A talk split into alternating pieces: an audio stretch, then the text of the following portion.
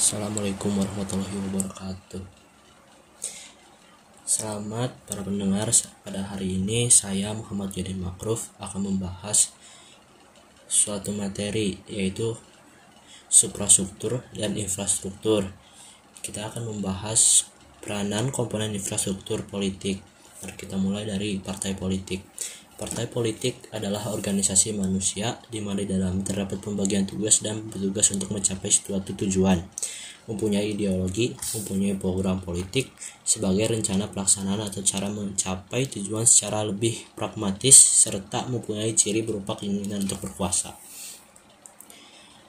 Nah, dalam partai politik ada juga contoh peranannya, yaitu pertama, duduknya para wakil rakyat di DPR yang sebagian adalah orang-orang yang berasal dari partai politik.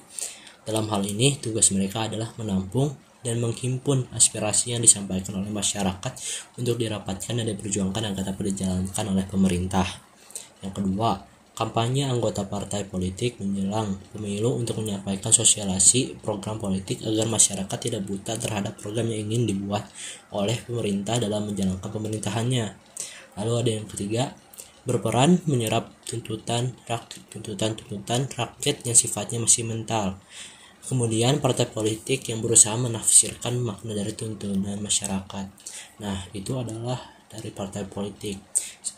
Sekarang dari kelompok kepentingan.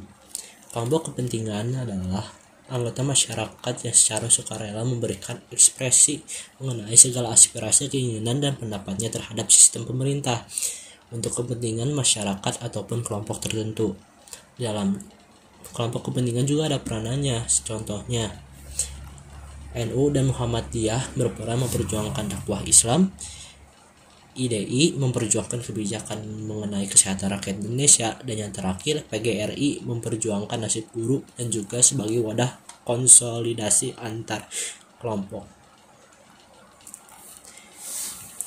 Lalu yang ketiga, Kelompok penekan Kelompok penekan adalah sekelompok manusia yang tergabung menjadi anggota suatu lembaga kemasyarakatan dengan aktivitas yang tampak dari luar sebagai golongan yang sering mempunyai kemampuan untuk memaksakan kehendaknya kepada pihak penguasa. Contoh peranan dalam kelompok penekan adalah lembaga swadaya masyarakat atau bisa disebut sebagai LSM yang mengkritik kebijakan sekolah negeri yang memiliki kebijakan cenderung merugikan masyarakat miskin.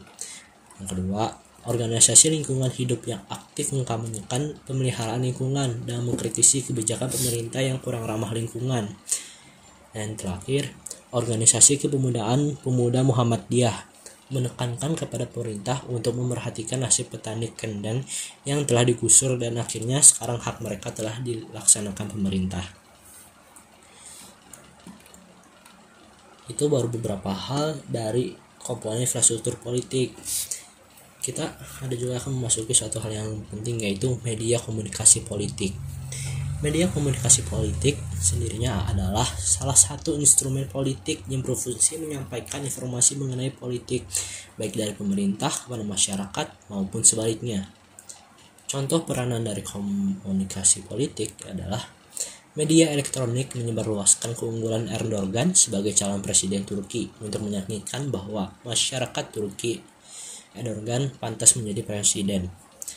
Lalu yang kedua, koran mengkritisi kebijakan pemerintah yang mengizinkan pembangunan reklamasi.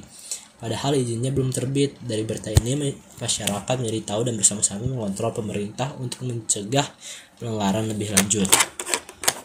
Yang terakhir dari media komunikasi politik adalah Televisi memberikan bahwa oknum A selalu membuat alasan saat dipanggil penyidik perkara untuk mempertanggungjawabkan tindak pidana korupsi. Dari hal ini, masyarakat menjadi tahu watak oknum tersebut dan mulai menjauhinya. Dari seluruh komponen infrastruktur politik, pasti ada seorang tokoh. Nah, dalam itu ada tokoh politik. Tokoh politik seorang yang mempunyai peran politik, ilmu politik, dan pekerjaan dalam bidang politik Tokoh politik mempunyai tujuan untuk menjunjung tinggi pendapat-pendapatnya.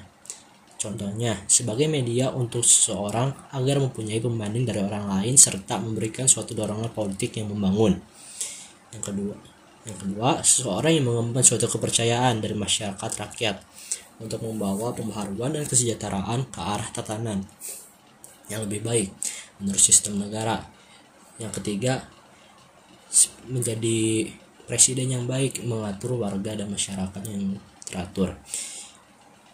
Itu adalah hal-hal yang saya bisa berikan materi kepada pendengar-pendengar podcast. Semoga ilmu materi ini akan menjadi bermanfaat untuk para pendengar. Sekian dari saya Muhammad Jadi Makruf mengucapkan salam. Assalamualaikum warahmatullahi wabarakatuh